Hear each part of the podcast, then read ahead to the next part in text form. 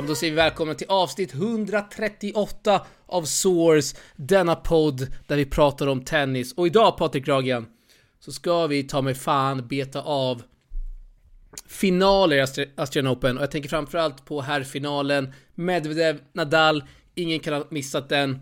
5 timmar 24 minuter. Jag är lite mör i rösten. Hur mår du efter en sån här eh, urladdning Patrik Ragen? Ja du, det var det verkligen. Man, det är inte många steg man tar en sån här dag, utan det har verkligen varit eh, suttit fastklistrad i soffan hela söndag förmiddagen och med tanke på stormiga vädret som har varit som man ändå haft lite liksom Ja, stormen Malik eller? Ja, precis, stormen Malik som man har haft gott samvete Malik Yaziri. eh, Ja, exakt. Han är ju som en storm också. Men kunnat ligga i lugn och ro och tittat på egentligen först på lördagen damfinalen och sen, det såg man ju fram emot damfinalen och sen eh, herrdubbel och så idag söndag när vi spelar in det här herrfinalen. Så att det har ju varit en, en utav, eh, ja man kunde säga en drömhelg egentligen. Ja, otrolig, otrolig helg. Själv kanske inte har spelat någonting men man får ju ut så mycket emotionellt själv genom att kolla på de här matcherna. Nej, man behöver inte så häftigt. Behöver inte spela själv när det är fucking Australian Open. Och det är såna matcher och det är... Ja, det är magiskt. Men vi ska börja, vi börjar med Nadal Medvedev helt enkelt. Den är mest aktuell. Frågan är Patrik, vart i matchen vi ska börja?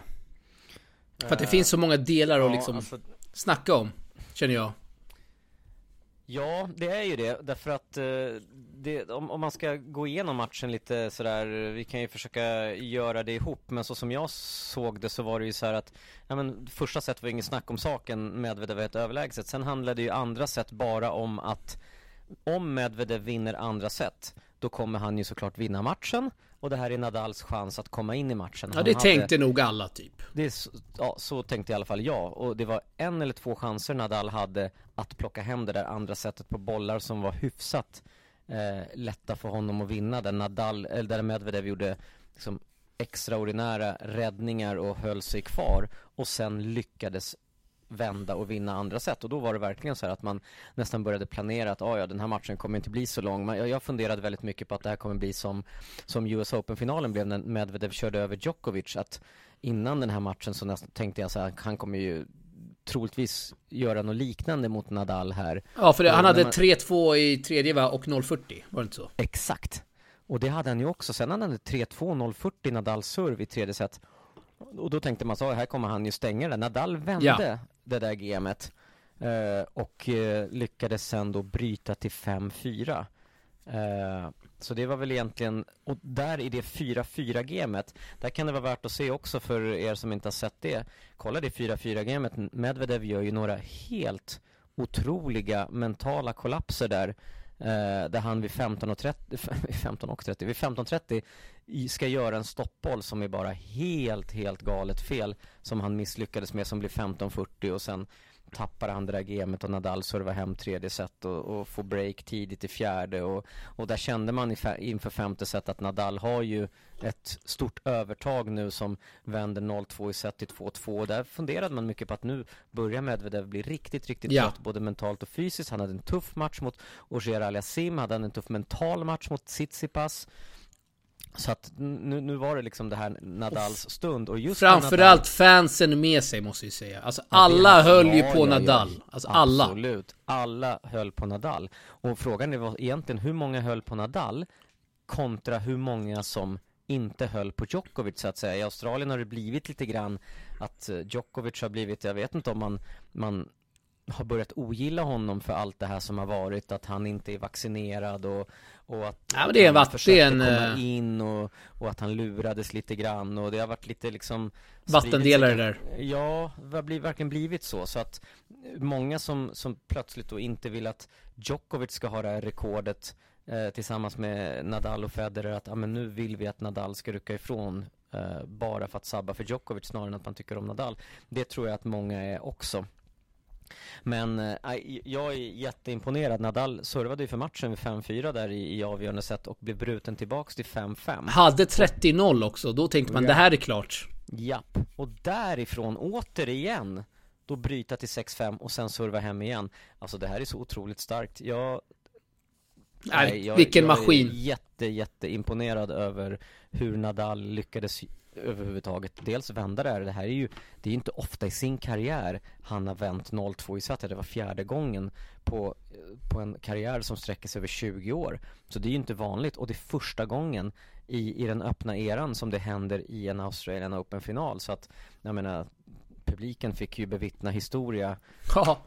Nej, det, det, man, man blir mållös för att Medvedev, så bra som Medvedev är Nadal är alltså 35 år och orkar hänga med så här. Han har varit skadad, han har varit borta. Det är helt otroligt. Han är liksom ja, helt, är helt, dränkt otroligt. av svett efter ja. tre game.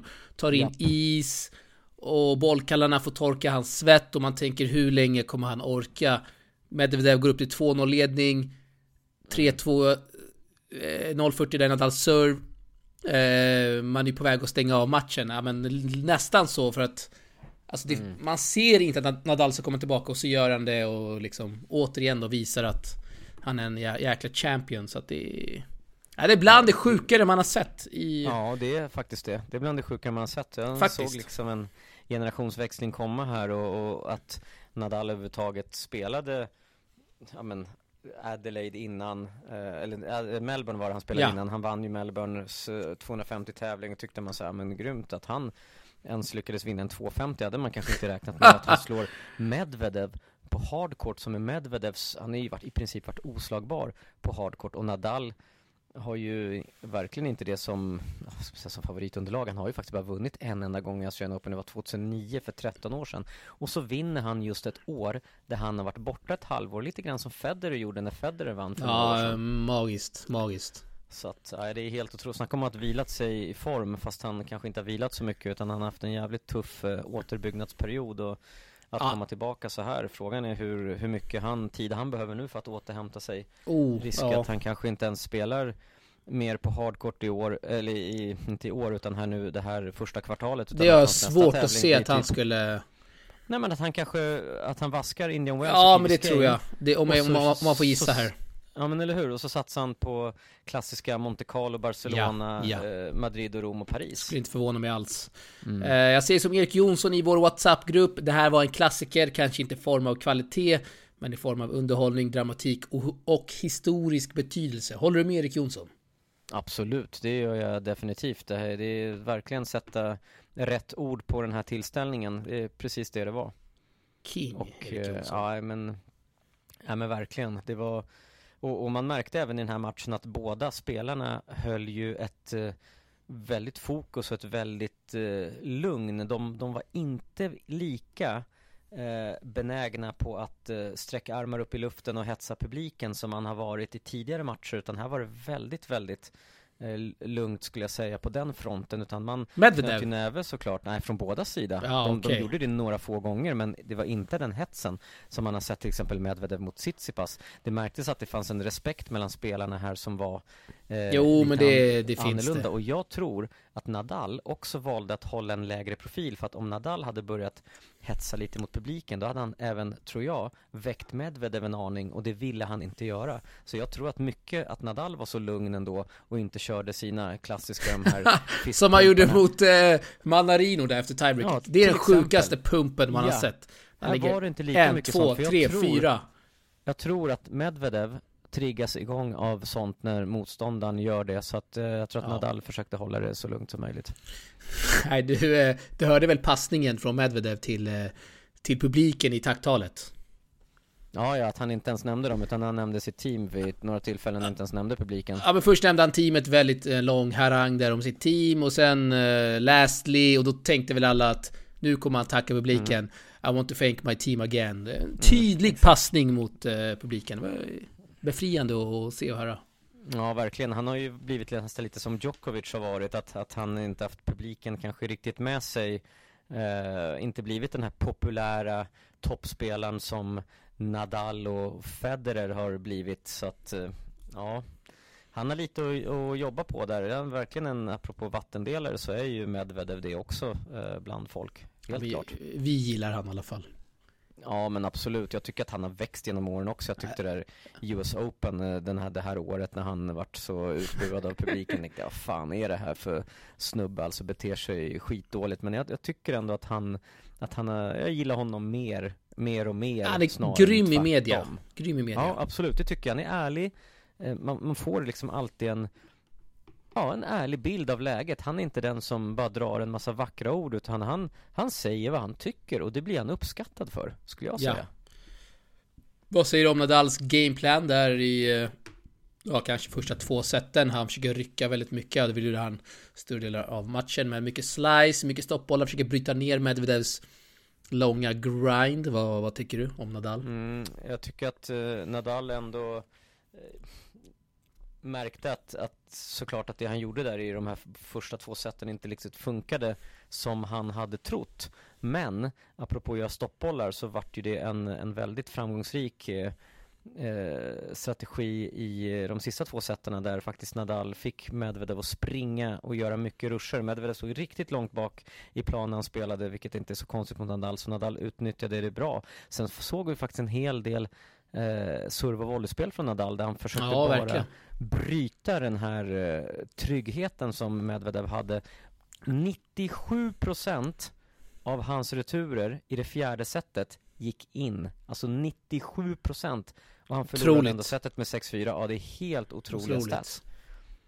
Så att, eh, så att jag tror att eh, när Medvedev bara liksom såg till att sätta returerna så märkte Nadal att om han går fram lite grann på nät då kommer han göra Medvedev lite mer osäker och det gjorde han också för att i femte set så var det typ runt 60% bara i förhållande till de här 97 som Medvedev satte för då var han Ja. tvungen att chansa lite mer på returerna.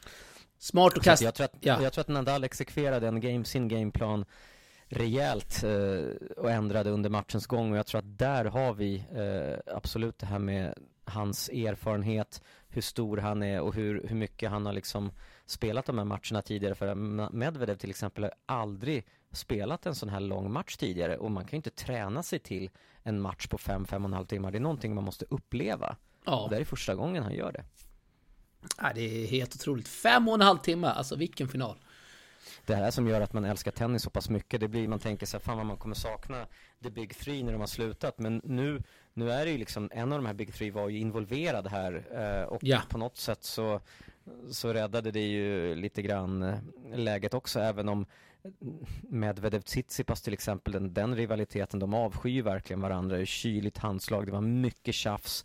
Det är ju roligt också, men, eh, men någonting är speciellt såklart när en spelare som Nadal går för en sån här historia han har gjort och att vi, du och jag Alex och alla andra tennisfans som växer upp får uppleva de här Big Three. Jag tror ju aldrig någonsin vi Nej, kommer uppleva någon som, som kommer vinna så här mycket. i alla fall inte under de- vår livstid. Det kan vi eh, glömma. Du, vad säger du om eh, den svenska kommenteringen? Eller körde du engelska på Eurosport? Nej, jag gick faktiskt över. Jag märkte att eh, på tvn så mm, av någon anledning så var det engelsk kommentator med reklam. Så att jag gick faktiskt över till den svenska som är reklamfri. Eh, Jaha, så du, välde, du valde alltså att börja med engelska? Ja, jag, jag valde ju, jag kör ju via, via alltså Eurosport på, på TV, Eurosport 1 Och där väljer man ju inte riktigt vad det blir för, för språk. Och, och det blev engelska. Och eh, jag eh, bytte faktiskt till, till svenska fast jag ofta eh, kan göra tvärtom. Men jag ville ha Strandlund och eh, Jonas Björkman som, som kommentatorer. Och det jag inte gillar med dem det är att när när, eh, när sändningen gick över till The Cube och Barbara Schett eller Mats Wilander Då pratade de. Ja, de pratade samtidigt Exakt. och det är ju ett, egentligen ett stort no det, det, det ska man inte göra, man får Nej, men inte där måste- snacka Där måste någon det är någon producent i deras Ja. öra säga Det Hallå, är, lägg ja, av. Det är jätteviktigt, man får aldrig, aldrig snacka när, det, när man går in i ett, något annat Det är ju det som, det är det som är hela grejen med att de byter över till The Cube. Ja, För att det sitter exakt. någon, det sitter ju någon snubbe i Paris och sköter de här sändningarna. Ja Och man vill ju höra vad de från kuben säger Björkman och Strandlund kan prata när som helst under sändningen Men inte när de bryter in för ett reportage Eller för Nej. en analys från, från kuben som var Det skulle jag säga var det absolut sämsta och där där tyckte jag att de hade otroligt, otroligt dålig känsla, kommentatorerna. Jag, jag har liksom inte, brukar inte såga dem så mycket. Det är svårt att vara kommentator. Ja, det är, gudarna ska veta att det är svårt vara att att vara kommentator. Men Ja, det, här, det här är en Det är en podd. sak. det här är en podd. en annan sak. Ja, det här är en podd. Vi måste få säga vad vi tycker också. Så är det. Ja, det är väl viktigt för framtiden i alla fall att de vet att, att när vi kommenterar, vi måste vara tysta när det kommer in kommer in en analys på engelska från, från The Cube som i det här fallet från Lyssnarna vill ju höra Chet Wilander och, och Alice Lim och vad de har att säga Och Tim Henman som är riktigt Henman, bra. Ja, men jag tycker alla de där har bra kemi tillsammans. Alice Lim, mm. ny programledare. Gjort det riktigt bra måste jag säga under de här första två veckorna. Kan inte ha varit lätt att vara i den studion och ratta allt med miljoner tittare.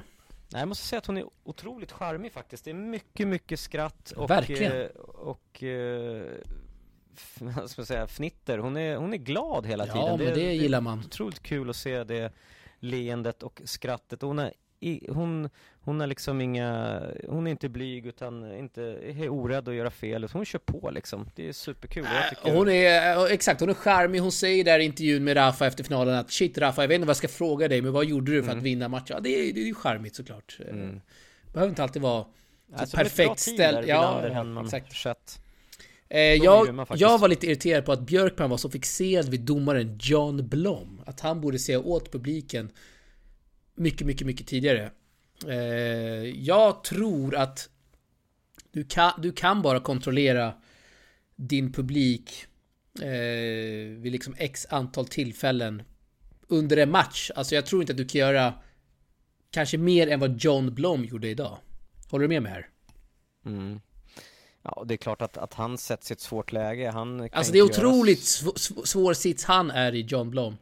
Ja, såklart det är. 13 000 åskådare som ja. alla det är en kvällsmatch och det är en otrolig femsättarmatch. Det är klart att, att, det, att det kommer bli Årets tävling har ju dessutom, vad ska man säga, stått ut lite grann som eh, inom citationstecken kanske den osportsligaste tennistävlingen i historien hittills för att man har sett en publik som, som har varit lite, lite mer vad ska man säga? Fotboll.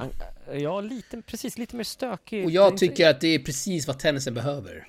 Absolut. Jag tycker inte det är negativt heller, utan jag gillar ju det här eh, som har varit. Vi kommer ju komma in i, i den här hur det har varit för Kyrgios och Kokkinakis, men även om vi bortser från det och kollar singelmatcherna så har det ju även varit väldigt mycket engagemang för publiken och någonstans så tror jag att spelarna uppskattar det här mycket också. Det, ja. det enda som inte får vara här, det man irriterar sig lite över, det är just när det Dels när det skriks mellan första och andra serven eller om det skriks i uppkastet när någon ska serva eller att man skriker ut när en boll är nära linjen och sådär. Det är de grejerna som Jo, men liksom vad, vad är det som händer efter de grejerna? Jo, security kommer ta ut den personen som var fallet i Kyrgios dubbel som vi snart kommer prata om. Så att... Ah, är det ett så stort problem? Nej, det tycker jag inte. För att det blir alltid åtgärder efter att någon... Någon är lite dum på läktaren. Mm. Håller du med mig? Uh, ja, delvis. alltså, jag, jag, jag, spelarna själva ville ju faktiskt att, eh, att han skulle åka ut och då är alla fyra spelare överens. Ja, då är det bara att slänga ut honom, vilket de gjorde också. Ja. Uh, och, och, det var ju klantigt av honom att göra det i slutet. Han missade matchen, sista gamen. Men alltså det måste visst... få vara lite liv och lite elektrisk stämning på, på läktarna. Det här har ju varit, just den här tävlingen, ja, det har liksom varit... att störa i serven, det var det som var grejen. Nej, men hur många gånger skedde han det skrek... under finalen? Det kanske hände två, tre lätt. gånger. Han skrek Ja, han, den där snubben i, i dubben, ja exakt. Mm. Ja, men vad hände sen? Han blev utskickad direkt efter, problemet ja, löst. Det är inte så ja, att det sker vid varje serve. Nej, nej, nej precis, det gör det ju inte. Så att problemet löstes fort i alla fall, om det nu bara var en gång det hände. Men jag, jag tycker, jag, jag själv eh, går ju igång på att atmosfären har varit så som den har varit, att man sätter på tvn och det är sån otrolig Ja, det är det eh, man vill ha Ja, det är helt, helt underbart Det, det är grymt alltså Det gillar vi. Du, ska vi lämna Medvedev Nadal? En otrolig final som vi eh, nog aldrig kommer glömma Nej, det kommer vi nog inte göra. Det var ju som sagt Nadals 21 Eh, Grand Slam och han går, går upp liksom ja. i historieböckerna på det här och, och ingen trodde att han, jag menar skulle han vinna någon slam i år då är det såklart, eller någon slam överhuvudtaget i sitt liv mer då var det årets Paris och han har redan vunnit Australian Open och, och gör sig liksom egentligen som ett hett namn inför att faktiskt vinna Paris också. Vi kommer återkomma till eh, GOAT-diskussionen antal titlar senare i vår frågestund här i slutet av avsnittet. Ja. Så att inte ni tror att vi har glömt det. Vi eh, går vidare till dubbelfinalen. Inte samma hype kanske som det var tidigare matcher, det kan man väl förstå ändå. Eh, även fast det var såklart väldigt underhållande. Kyrgios Kokkinakis mot Purcell Ebden. Vad säger du om matchen Patrik Ragan? Kyrgios Kokkinakis vinner, tar en Mm. GS-titel. Det är otroligt mäktigt. Ja, det är otroligt mäktigt och det är jättebra för tennisen tycker jag eh, att de två lyckades göra det. Jag hoppas att de själva eh, stärks i, i sina karriärer av det här. Jag tror att de själva kommer få jäkligt mycket, vad ska man säga, en extra push att, eh, att framöver eh, göra bra resultat ifrån sig. De behövs i tennisen och eh, Verkligen. och tittar man på finalen jämfört med de tidigare matcherna så, så den kommer ju aldrig upp i den standarden emotionellt som de tidigare matcherna gjorde och det tror jag att har att göra med att det faktiskt var ett hel australiensiskt par. Det finns en ömsesidig respekt både från publik och från spelarna Ja. emellan att, att liksom bete sig på ett schysst sätt mot varandra och hade det blivit att de hade mött ett par som inte är från Australien så tror jag att det hade kunnat bli lite hetsigt så jag tror att man när finalen sköttes eh, riktigt fint eh, ur en sportslig aspekt och och, eh, eh, och och kul att de här grabbarna som sagt som det har ju kabla- kablats ut en massa bilder från hur de vann, hur de såg ut när de vann Wimbledon här när de var juniorer. Otroligt eh, Ja, kul otroligt att se den mäktigt. här, eh, otroligt mäktigt att se ett kompispar göra den här resan ihop eh, kontra ett par kollegor som har hittat varandra på grund av att de har liksom inte hittat någon annan eller att de har råkat fråga någon och så någon svarat ja och så bara okej vi kör. Liksom något random. Ja, någon random liksom WhatsApp. det här, Ja men det blir lite random WhatsApp så okej vi kör för ändå ingen annan att köra med.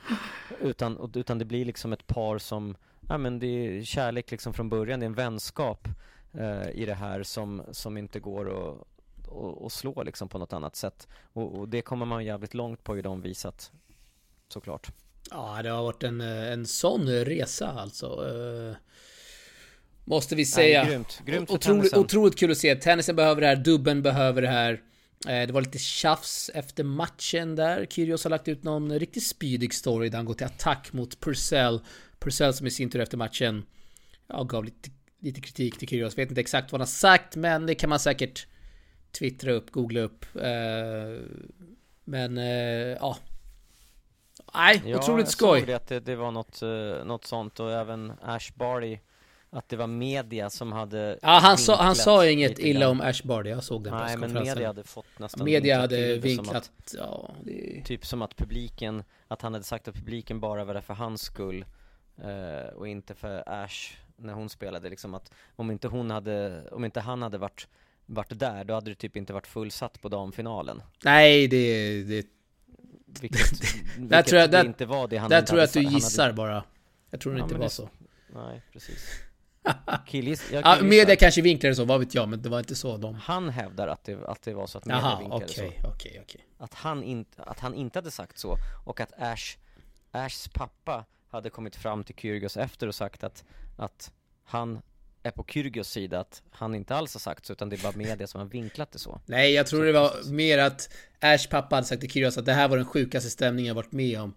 Och då hade Kyrgios spint vidare på det och sagt att eh, när jag spelar dubbel så så talar tv-siffrorna för sig själva, publiksiffrorna talar för sig själva. Det blir inte bättre stämning än när jag spelar dubbel. Eh, Det det är väldigt ärligt och, och sant är det väl också, antar jag.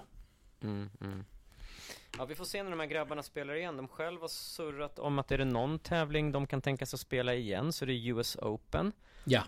Jag skulle vilja se dem i Wimbledon egentligen, fattar inte varför de inte skulle kunna spela Wimbledon ihop Ja, Eh, han fick frågan där. Han sa att han inte kommer spela French alls, Kyrgios. Inte vi- alls? Nej. Han skiter, han, han skiter i gruset helt eller? Ja, I'm not Mm. playing French, sa han bara sådär Mm, mm. hårt. Alltså i Eh, singel? Ja, du, Mm. ja du, han kommer inte resa dit för spela Nej, nej, nej, nej, precis Eh, och Wimbledon så... Jag vet inte vad han sa men han svarade väl att han inte kommer spela... Att han redan är tagen, sa han det? Nej, jag minns inte riktigt. Men han sa att han inte kommer spela Wimbledon med The Cock i alla fall. Så att det blir väl US Open och det lär väl också kanske bli ATP-slutspelet i Turin.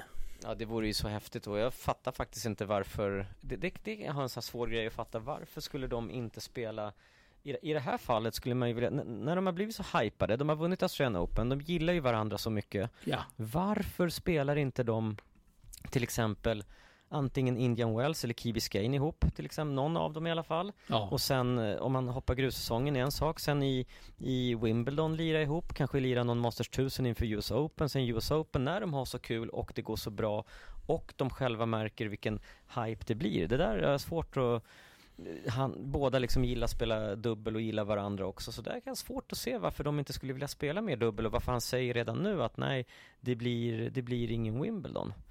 Jag vet inte Jag, jag fattar ju att, att de inte spelar liksom i, i Dallas kanske. Jag vet att Kyrgios har fått wildcard här i Dallas 250 som börjar nästa vecka. Har han det? Ja, han har fått wildcard där och. Kokinakis kommer in på sin ranking nu när han är 103 eh, Så att båda tror jag kommer vara i Dallas. Det kan ju fortfarande vara så att efter den här segern, att de tycker att Dallas kommer för nära, att båda tackar nej till att åka dit. Ja. Att de tycker det blir för tight. Men som det såg ut för ett tag sedan så, så är det planen är att båda ska spela den här Dallas-tävlingen som en ny tävling på, eh, på 250-kalendern då. All right. Eller på ATP-kalendern.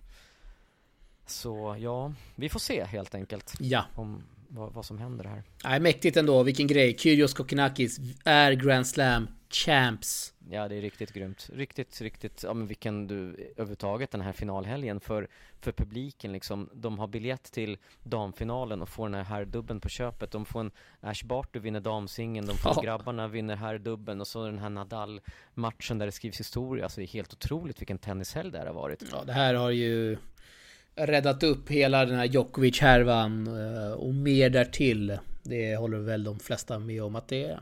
Det har varit en väldigt lyckad tävling, trots allt. Ja, verkligen. Man har liksom glömt att det spelas en vintertour i Norrköping liksom. Du, det är nog ingen som har lagt märke till den. Skulle jag säga.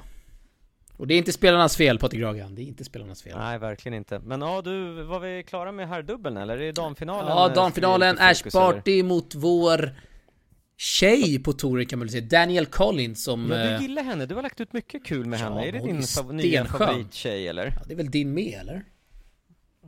Ehm, Nej. alltså, nej, inte så. Jag har inte liksom Fan. riktigt någon, eh, någon sådär, vad ska man säga? Ja, men nu har du Daniel Collins. Du måste bara omfamna henne. Med hela Jag ditt hjärta. Göra det.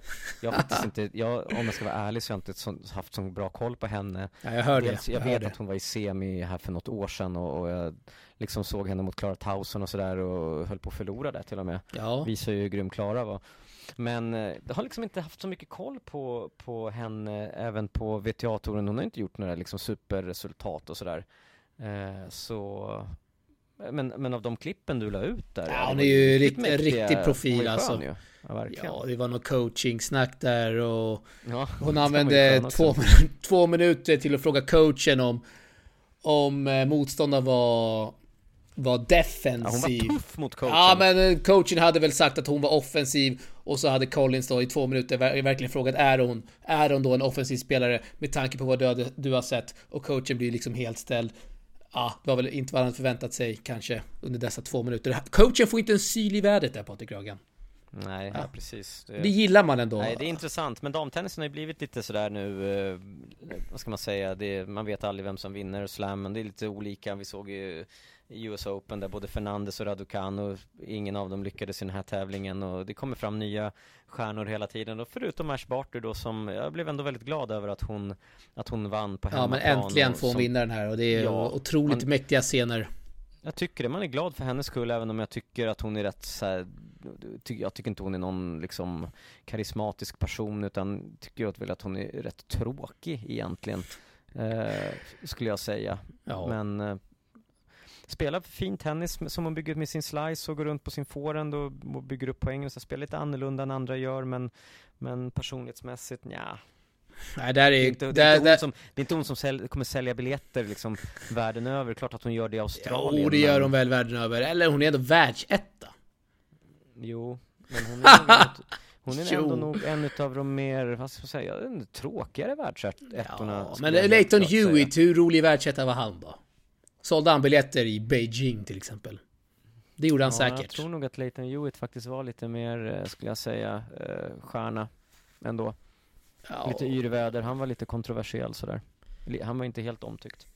nej. Ash Barty är ju tvärtom, hon är ju väldigt, eh, alltså gott hjärta och omtyckt är hon definitivt. Hon har ju aldrig varit taskig mot någon så att Hewitt var ju lite, kunde liksom uppfattas som ett as.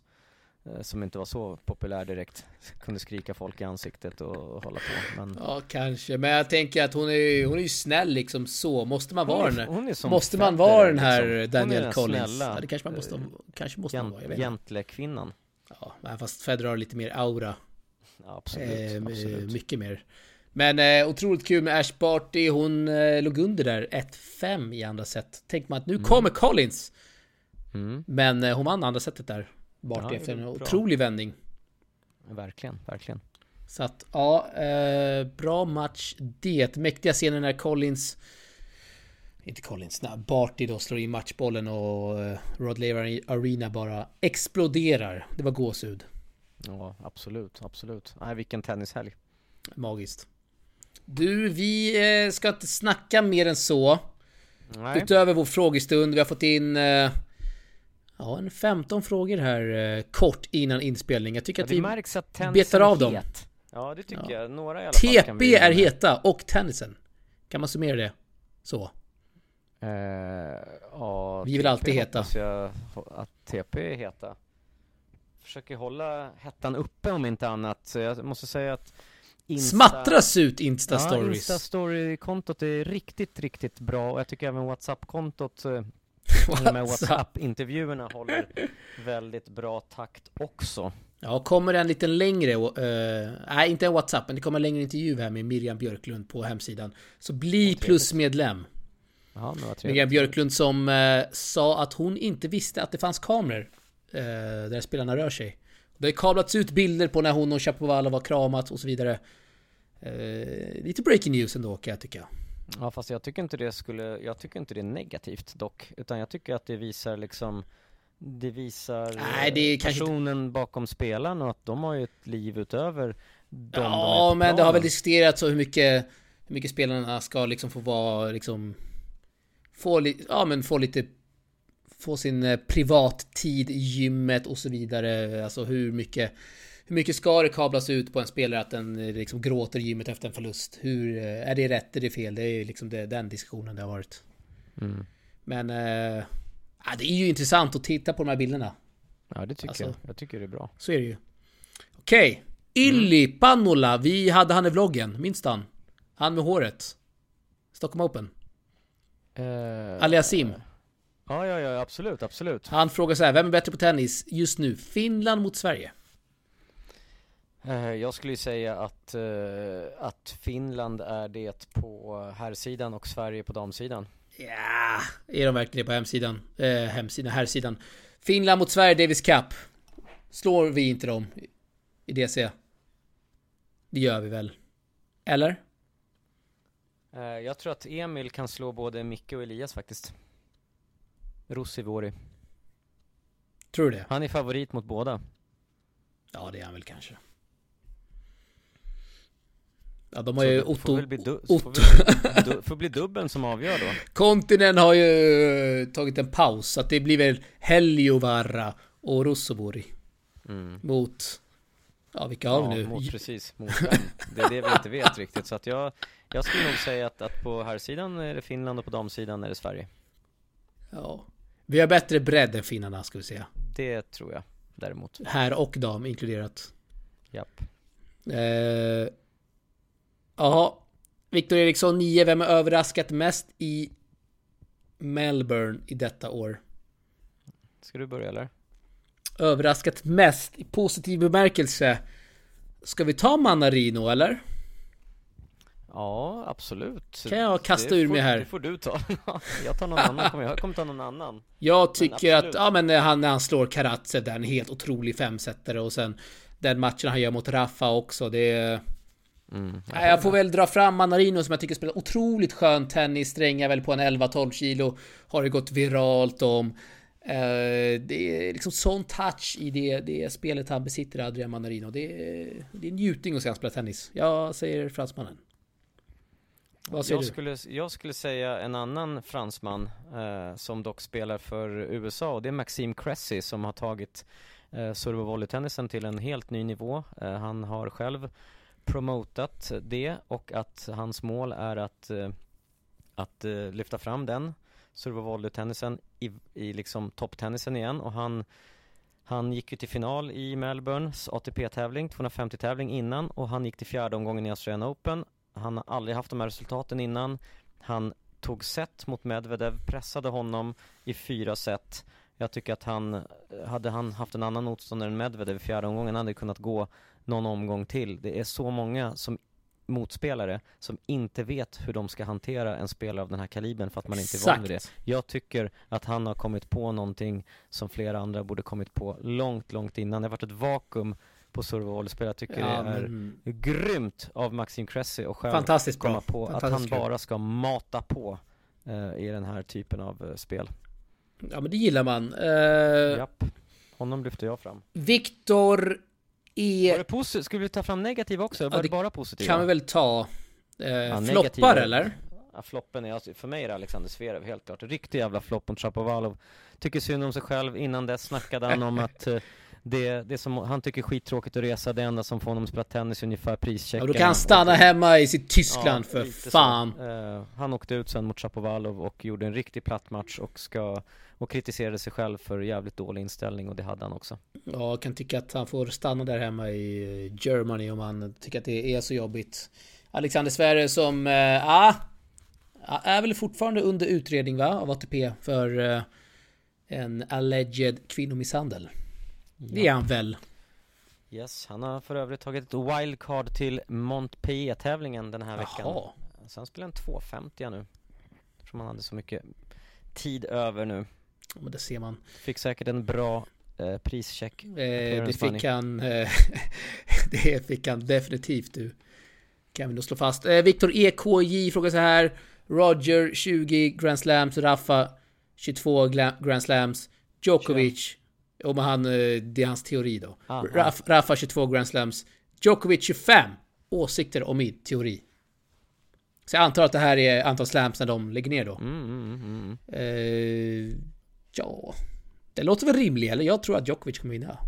Ja, jag tycker också det låter jätterimligt för då, då skulle jag ta det antagandet som eh, Viktor gör här är att, att Nadal vinner i Paris också, någon gång till Ska ja. jag tippa till Paris Ja, i år Och att då. Djokovic vinner fem slam till är ju helt klart mycket möjligt. Han har några Wimbledons kvar han kan vinna, han har några Australian eller US Opens kvar att vinna så att Djokovic vinner fem titlar till under sin karriär, ja det är mycket väl möjligt. Han är tre år yngre än vad Nadal är ja. och har uh, mycket, mycket kvar. Så att uh, jag skriver under helt klart på den. Jag det gör, gör, gör jag också. Frågan är om hur det blir med vaccineringen. Kommer han uh, dyka upp där i Franska öppna? De, kräv, de kräver ju att man är Ja, vi får se hur det blir. Det surras mycket nu om att, uh, att corona ska klassas som en sjukdom mer än som en pandemi så börjar det lätta av lite grann här med restriktioner och liknande och den här ja.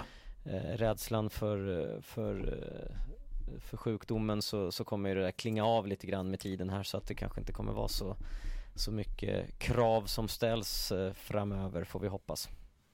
Patrik Raga, nya Anders Tegnell hör vi här. Eller hur? Eh, Tobias Sumea diskuterar den bedrövliga diskriminering som publiken utsätter Djokovic och Medvedev för. Ja, alltså Tufft att kalla det för diskriminering. Ja, det är tufft därför att man kommer alltid ha sina, någonstans kan man ju tycka att, att alla har ju någonstans har man ju förtjänat att få den behandling man får. Publiken blir liksom domen för någonting man har gjort. Och, och har man gjort någonting som publiken ogillar så kommer man ju att straffas. Likadant är det ju då tvärtom man har gjort någonting som publiken gillar. Så att det blir ju liksom Det är svårt att säga. Jag skulle säga att, att man har, oftast har sig själv att skylla för, för hur publiken agerar mot en. Folk som är schyssta mot publiken kommer ju sällan bli utbuade. Egentligen. Ja.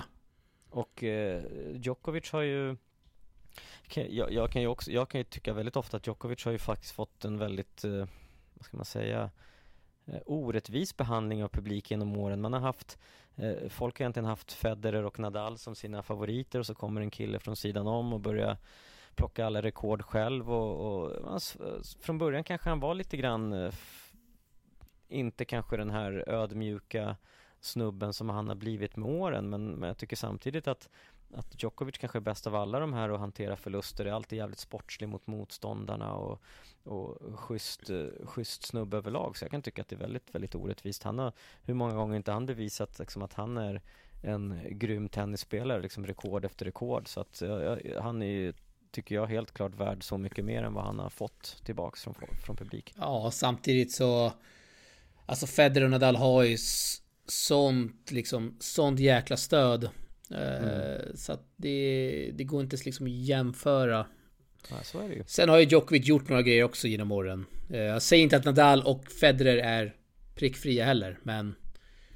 Men mest i början av sin karriär och det har legat kvar för Djokovic ja, skulle jag säga. Ja, men jag tänker på ja, US Open-grejen när han blev diskad och sen är det väl några grejer till som han kanske... Ja. Mm. Som har varit stökiga. Från Nolles sida. Ja.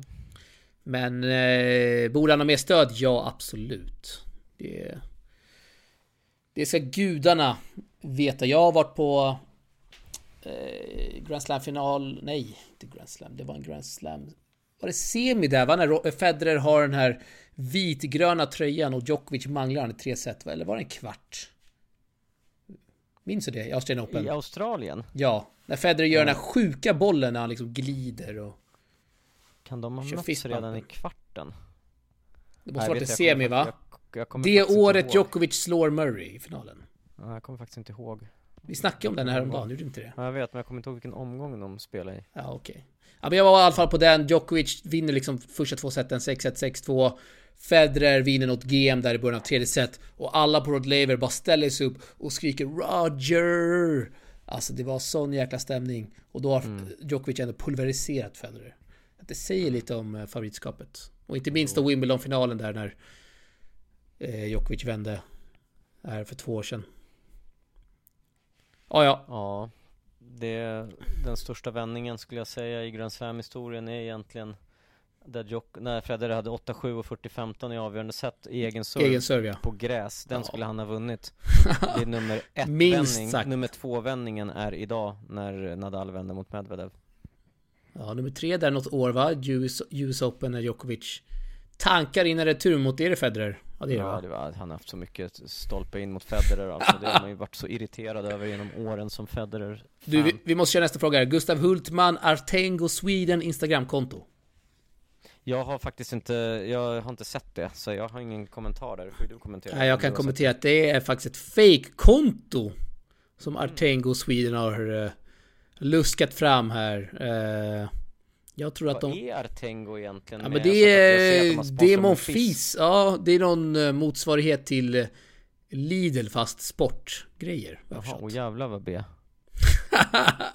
Och Monfils går omkring i det där. Det är ju, ja. det, det, är också så här, en grej jag inte har fattat. Monfils som är en sån karismatisk Men han får ju en sån jäkla pengasäck. Jo, men vad fan, hur kommer det sig att någon sån här lirare som, ja men, fatta honom i Hydrogen. Ja men hur eh, exklusivt, hur exklusivt är Uniqlo? Det är ju liksom H&M i Japan. Eller? Jo, jo det är det ju. Men de ger Federer hur mycket pengar som helst för tio år. Och det är klart, ja, klart att han säger ja. Så att it's all about the money. Ja, ja. Eh, vi stänger den frågan. Henrik Wallensten kommer TP med full styrka till DC Helsingborg. Vore på plats med en vlogg. Det här snackade vi lite om i vårt plusavsnitt senast. Så är ni plusmedlemmar in och titta och lyssna på Zoom med TP. Där gick vi igenom lite av det här. Och vad gick vi igenom då Patrik? Jo, att vi kanske kör Spanien mot Rumänien istället i Marbella. Varför då? För att uh, Det vi, finns sol. ja, det finns, för att vi får se Alcaraz. Nej men vi, uh, vi kanske gör det för att uh, där bor vi ju gratis. Det gör vi inte i Helsingborg. det, det, så är det ju. Det kostar oss ja. mindre och flyga. Här, det kostar oss mindre ja, att flyga ner till Marbella och bo där än att ta oss, flyga ner till Helsingborg och bo på hotell i två nätter. Ja, det, är det är en sant. kostnadsgrej här på TP. vi, vi åker lite billigast och mest sol. Ja, vi vill ha lite semester. Eh, om vi ska, om jag ska i alla fall vara lite seriös. Eh, senaste DC-matchen vi på plats va? Sverige-Chile. Mm. Det var stökigt av många anledningar. Då kände man lite sig som det svarta fåret. Nu har det gått några år sedan dess. Saker och ting kan ha förändrats. Men eh, om det ska vara liksom samma feeling, samma vibe som det var då mot oss från förbundshåll mot TP så känner jag att äh, då kanske vi åker till Spanien istället och har lite gött och kollar på Alcaraz. Ja, vi får se helt enkelt. Någon kanske bjuder in oss till Helsingborg. Får vi ta det därifrån. Ja, vi håller den öppen. tennisportalen där. Eh, Men om det är så att vi kommer till Helsingborg då tror jag det inte blir en vlogg för då kommer det bli massa intervjuer och jag pallar inte göra en vlogg som ska ta tre veckor att redigera så att nej det får bli annat material. Så, Wallensten åker ner och är materialare där eller? jag tror det. Mm, Han, han kan få göra en vlogg. Han kanske kan fixa in oss där då. Wallensten en vlogg. Fixa bra rum till oss. Fixa bra rum. Slimmad budget där tennisportalen alltså. Det, det går inte bara att åka varstans och bo på hotell. Det är dyrt. Nej, exakt. Eh, Alin Josef, vem gör det bäst som kommentator på Eurosport Sverige? Jag säger Magnus Alsterback och Petter Pettersson. Vilka väljer du här? Eh, Jag skulle helt klart eh, lyfta fram eh, Magnus eh, och eh, Ma- Maria Strandlund tycker jag är grym. Fast fan vad svårt det är för fan Niklas Rodborn är ju Hans gotländska är, är ju jävligt mysig Ja. Också Jag tycker faktiskt att det, det finns liksom inte några dåliga längre Ett tag så fanns det ju, var ju liksom nivån kunde vara riktigt, riktigt låg Var det verkligen så? Ja, jag vill inte liksom langa fram några namn så Nej, det men behöver du inte göra. Men var Det det verkligen taskigt. dålig nivå? Det minns inte jag. Sämre i alla fall. Jag, men jag tycker liksom de här, det här gänget som nu är, som säger Peter Pettersson eller, eller Pe- Petter Petter, Pettersson, Petter Pettersson, eh, Alsterback Ja, de och är ju- fan de är ju bra som Det är fan. ett Ja, skönt de är gäng De är och dem nu. Det är ett bra liksom. Jag, jag gillar eh, Eurosport Sverige mer nu än tidigare. Ja, Förutom- kul! Gillar också. Förutom när de pratar samtidigt som det är intervjuer på engelska. I the Cube. Med Alice The Lim. Cube. Alize. Hon säger alltid 'This is Alize Lim' Ja, Lim. Och Nadal Kärlek. säger eh, 'I recognize your voice now' Behöver inte säga vad det heter. Nej, det är roligt. De är... Nej, fan Ja, vad, är det, fan vad nice. Jag vill, jag vill göra reklam här för Eurosport Player. Det här är Ja. inte sponsrat. Men för 129 spänn den här månaden så har jag kunnat se repriser, The Cube, highlights. Det har varit det bästa Eurosport Player versionen den här tävlingen skulle jag säga. Ja, än tidigare. Fan vad mycket man får för pengarna Ja, alltså. det är otroligt. Jag kan säga så här, en, en eh, Ring oss du får, inte Eurosport ens, du får inte ens en förrätt på en restaurang för de pengarna längre. Det, det är knappt att man får en pizza Ja, nej, 129 det får, det får du inte. I alla fall inte du i city. Nej. Framförallt inte om du vill ha en hamburgare på typ Babas eller Fan. Bun mitt bun. En sån där jävla hamburgare kostar 170, sen ska du ha meny, ja då är det så här 250 för fan, en... en hamburgermil på typ Max kostar ju numera över 100. Så klart jag hellre tar Eurosport Player och fastar den här en eh, hamburgermil liksom. Nej, grymt. Tumme upp verkligen. Verkligen. Uh, ska se nästa fråga här. Kommer Petter Jonsson, 89, kommer Kyrgios bli att räkna med flerdubblar? Och vad tycker ni om Hawkeye Live? Ska alla Grand Slams köra dem? Absolut, det tycker jag. Det är ett väldigt eh, sportsligt sätt. Eh, Det blir liksom inga, inga kontroverser utan den bestämmer och det är ingen spelare som kan säga emot utan den, den är faktiskt grym. Man behöver inte utmana och det blir, allting blir rättvist till slut och det vill vi väl ha och det rätt man vinner med rätt förutsättningar och jag tycker det är riktigt, riktigt bra. Sen om Kyrgios blir att räkna med i dubbel framöver, det skulle jag väl inte säga att jag tror att Nej, han kommer att satsa på någon dubbelkarriär utan han är helt nöjd med att ha vunnit den här och sen kanske det här bara blir en one, one grej liksom. Ja. Ja, nej, jag, eh, det ska man nog inte ha alltför stora förväntningar på. Kyrgios har tagit en Grand Slam, skulle han lägga ner imorgon så kommer han nog vara nöjd ändå med sin karriär, skulle jag gissa. Ja det är kanske till och med tvärtom att han kommer inte vilja, just det här med att jag tycker att, ja fan vad han borde Sluta på topp. Ja sluta liksom, han bara- inte kommer inte spela dubbel mer för Vad han, hette hans medspelare sa du? The Cock, Hej! The Cock. The Cock, okej. Ja, det var så heter han. Det det var väl samma som du sa. Mm, mm. Nej, du hade ett annat uttal. Ursäkta mig. Du, eh, nästa här. Alin Josef igen. Kan vi skratta lite åt Tsitsipas presskonferenser? Eh, jag har faktiskt inte sett, jag tror att du är bättre på att se Ja, men han menar väl att han är en sån filosof och drar Ja, till med lite cringe citat. har det har vi snackat om förut. Men eh, Ja, jag vet. Även intervjuerna på banan har varit lite filosofisk och ja, jag tycker han måste, slu han måste sluta med det här. Samtidigt kul att någon sticker ut lite annan. Han är jävligt flummig, men man, man ja. Det, Nej, det passar inte han är liksom. Han, han bygger sin image på det, helt enkelt. Sitt varumärke. Ja, det får väl, ja, ja kanske, kanske. Men däremot så han, eh, riskerar han att bli en spelare som är riktigt, riktigt impopulär bland de andra spelarna eller? På grund av sin farsa tänker du på?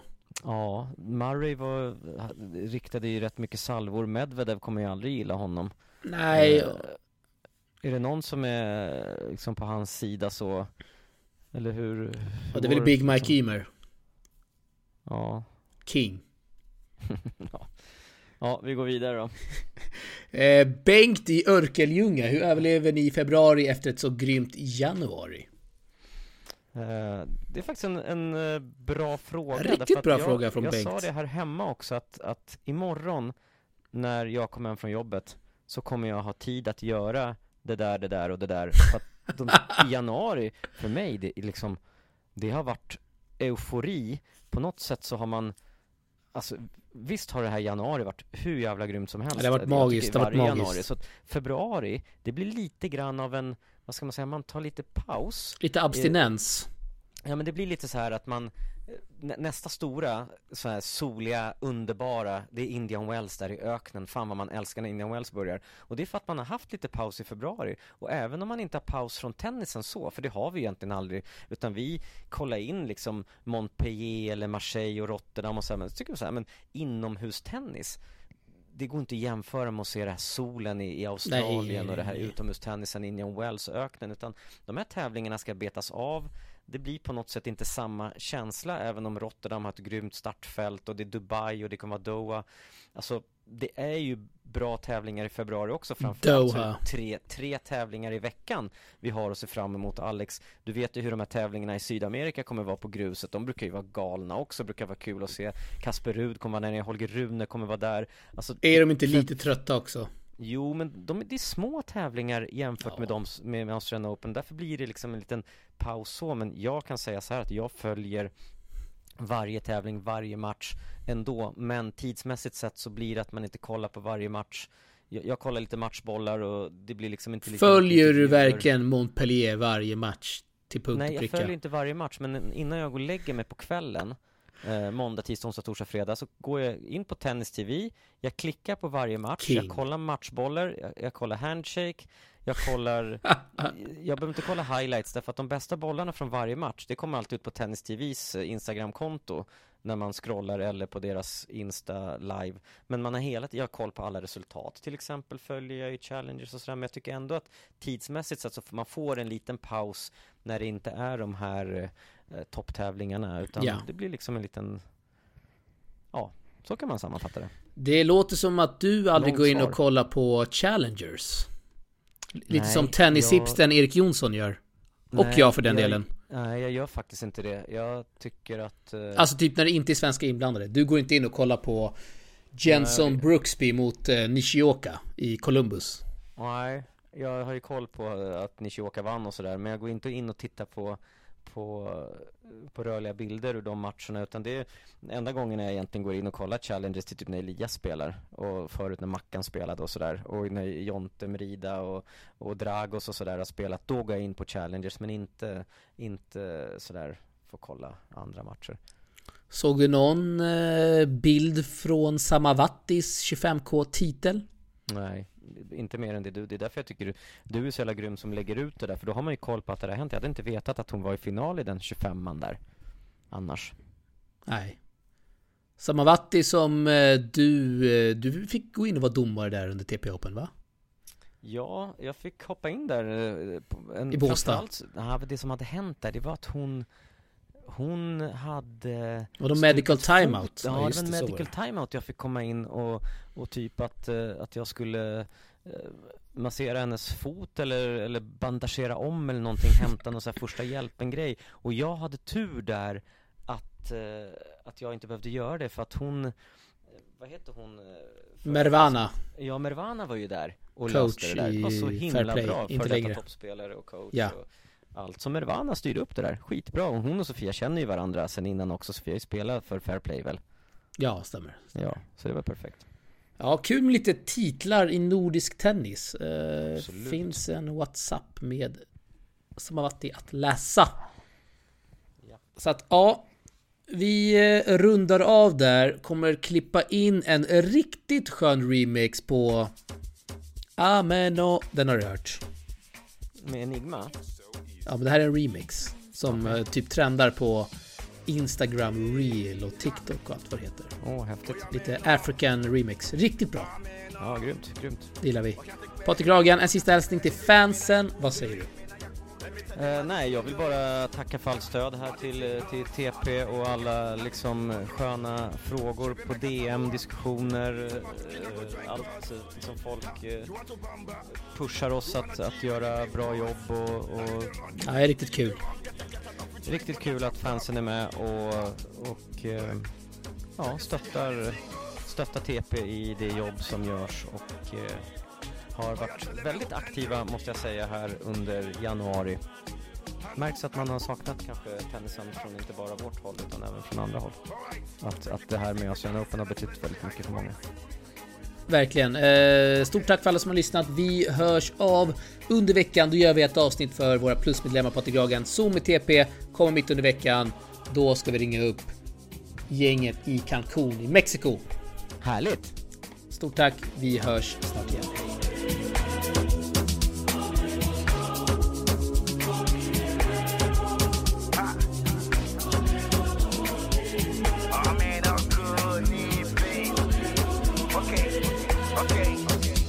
This one of is over no weekend use. Go school, you go school, you go the fam tools. Another parameter set you want the form too. See, even your papa not to save you. For all the cannabis when they pick it done do. Man, all the niggas don't find you. Because that nigga when you play on my don't move. Oh boy, don't move. Ha, hey, come on, let's go. Chebe make a tamuwa. Say my kina go join God. Ha, you want to bamba? You wanna G with the big boys? Now you the wrong, kitty kitty, you the wrong, get a get a don't drink what a drop cup. Ha, hey, Chebe, you see how the thing goes. I said, telling me who blends you. And who, and who.